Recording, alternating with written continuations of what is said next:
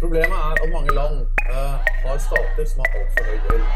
Man fortsetter et system ved å dytte inn mer penger i et bunnløst hull hvor gjelda faktisk stiger. Problemet er Argentina's financial crisis has been festering for 15 years.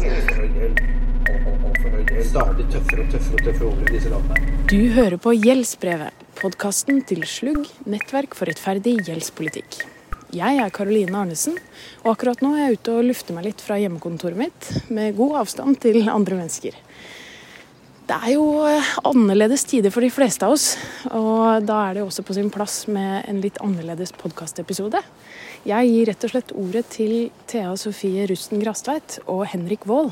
De jobber jo i Slugg, som vi veit, og de satt på hvert sitt hjemmekontor og tok seg en prat om hvilke følger koronakrisen og de påfølgende finansielle konsekvensene vil få for land med ikke-bærekraftige gjeldsbyrder og dårlig rusta helsesystem. Dette kan bli stygt, folkens, men eh, la oss jobbe for å finne gode løsninger. Ta vare på hverandre. Vi høres. Yes. We're rolling. Ja, dette, dette blir jo en spennende øvelse, Thea. Yes. Vår eh, aller første impromptu podkast slabberas. Ja, Over Zoom på nett. Vi sitter jo på hver vår kant av landet akkurat nå. Ja, jeg sitter på hjemmekontor hos svigers i Egersund. Hva gjør du, Henrik? Jeg er i Oslo. Ja. Eh, hver vår landsdel, men allikevel on the same page når det kommer til tema. Absolutt. Hva er det vi skal snakke om, Henrik? Vi skal jo snakke om eh, koronaviruset og gjeldskriser, selvfølgelig. Ja, hva, hva skjer med det? Verden står jo på huet akkurat nå, og det ser dessverre ikke så veldig bra ut. Det er jo et virus som har spredd seg fra Kina, som er i ferd med å få fotfeste i mesteparten av verden.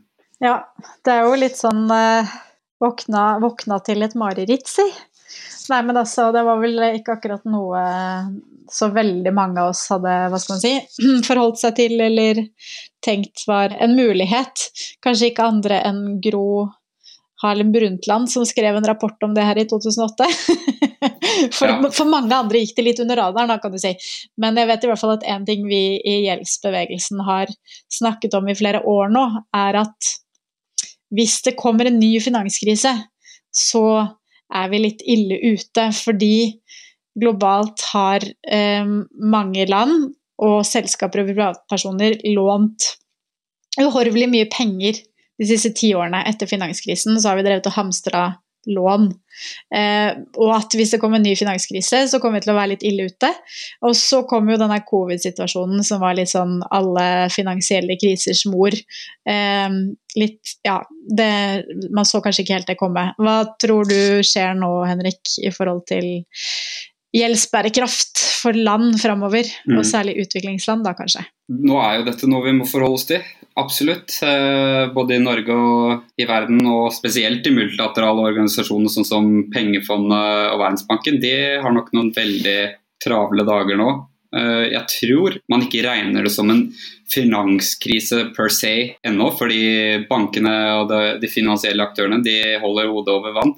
Men dette kommer jo til å bli en helt eh, katastrofal krise for økonomien. Eh, ikke bare her hjemme, men kanskje spesielt i land som eh, sleit eh, veldig mye fra før. Eh, Mm. Som det var inne på, det er jo noen land som hadde lånt penger, altfor mye penger, og som eh, var inne i et uføre. Og nå forsvinner plutselig inntektsgrunnlaget.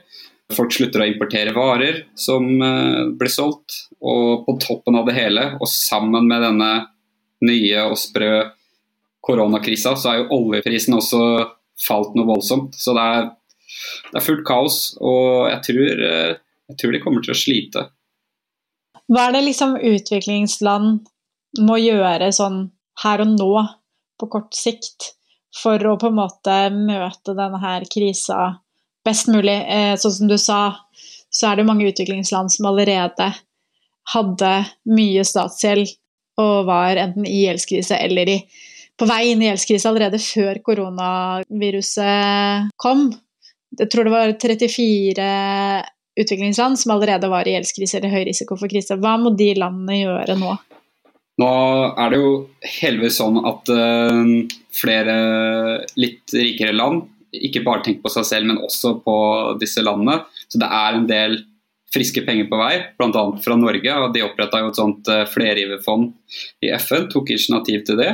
Uh, IMF har uh, forbedra og satt i gang krisefondene sine for å mobilisere penger. Det kommer til å hjelpe. Men de virkelig store pengene kan disse landene hente hvis de ber om uh, å innføre en pause i gjeldsbetalinger. Og For veldig mange land så er det helt avgjørende at de slutter å bruke penger nå på å betale renter og avdrag på lån, og begynner å bruke det på å mobilisere til uh, bedre sykehuskapasitet og helt essensielle strukturer som de må få på plass for å møte den krisa.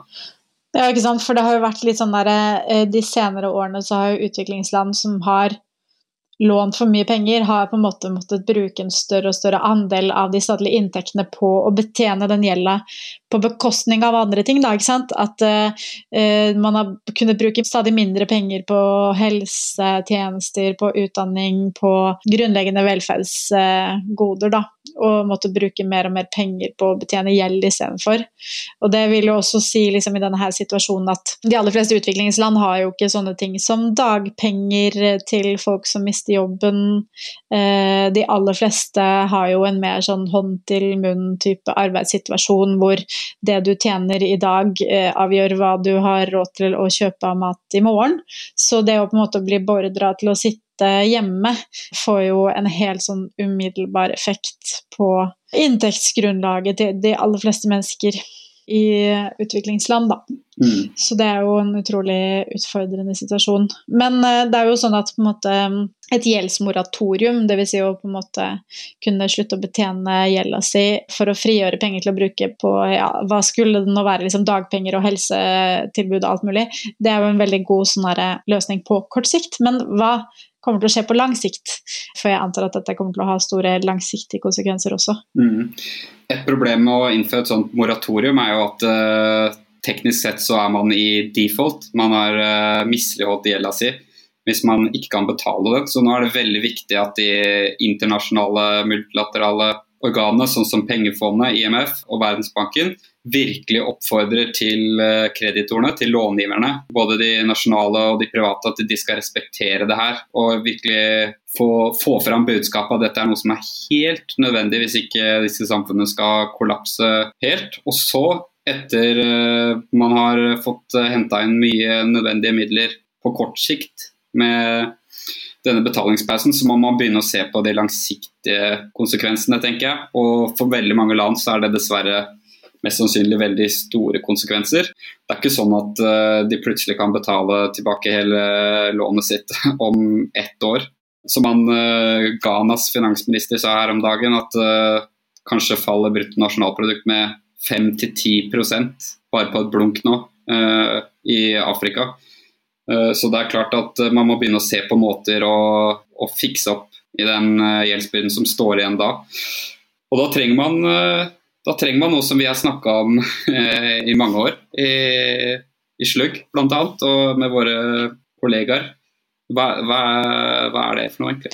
Ja, altså, mm, Noe av det vi har jobbet for i veldig mange år i disse her organisasjonene internasjonalt som jobber med statlig gjeld og, å løse statlige gjeldskriser, er jo at vi har jobba for å få bedre globale systemer for ansvarlig långivning og låneopptak. Dvs. Si å få noen systemer som fanger opp når land er i ferd med å pådra seg for mye gjeld. Gjeld som de ikke kommer til å klare å betjene hvis de liksom, finansielle forutsetningene endrer seg kjapt. Da. Sånn som med et sånn type sjokk som koronakrisen eller en finanskrise, andre type ting. Eh, så vi har jobba for å få på plass sånne systemer som gjør at det på en måte går av en litt sånn rød varsellampe når land er i ferd med å pådra seg for mye gjeld. Så det er jo på en måte en ekstremt viktig ting å få på plass internasjonalt for å motvirke sånne her eh, sårbarhet i møte med kriser. Eh, og så er det nummer to, som er en gjeldshåndteringsmekanisme innenfor FN-systemet så prøver man å få på plass eh, et slags forum for å løse statlige gjeldskriser. Sånn at hvis et land havner i gjeldskrise, så vet man på en måte hvem man skal gå til og hvilke regler som gjelder for å løse de krisene. Man har sett med prinsipper og systemer som sørger for at når landet havner i gjeldskrise, så, så, kan man møte alle kreditorene eh, rundt et bord holdt jeg på å si, i overført betydning, og forhandle om å få kutta deler av det man skylder, og få eh, reforhandla betingelsene for å få gjelda ned på et nivå som er mulig å betale tilbake. Så en sånn internasjonal gjeldshåndteringsmekanisme innenfor FN er noe sivilsamfunnet har jobbet for i mange år, og som nå er enda viktigere enn noen gang. Mm. Hva kan Norge gjøre mm, Henrik, for at det her skal på en måte bli noe av?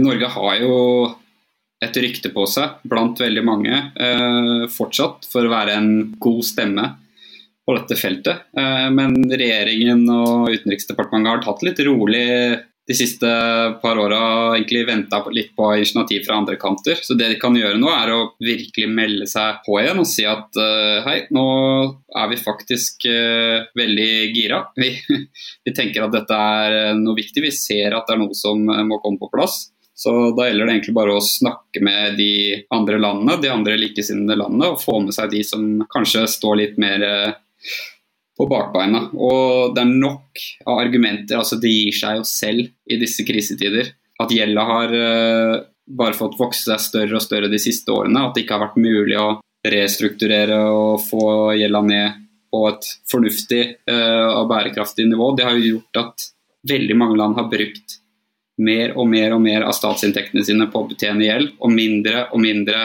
av pengene sine på f.eks. bygge opp et bedre helsevesen. Og Det gjør at de står utrolig dårlig rusta, både til vanlig, men spesielt i sånne krisetider som det er. Mm. Ok, så Oppsummeringsmessig så vil det si at eh, på kort sikt så trenger vi et gjeldsmoratorium for utviklingsland for å frigjøre midler til helsetjenester og mot eh, tiltak mot arbeidsløshet og den type ting.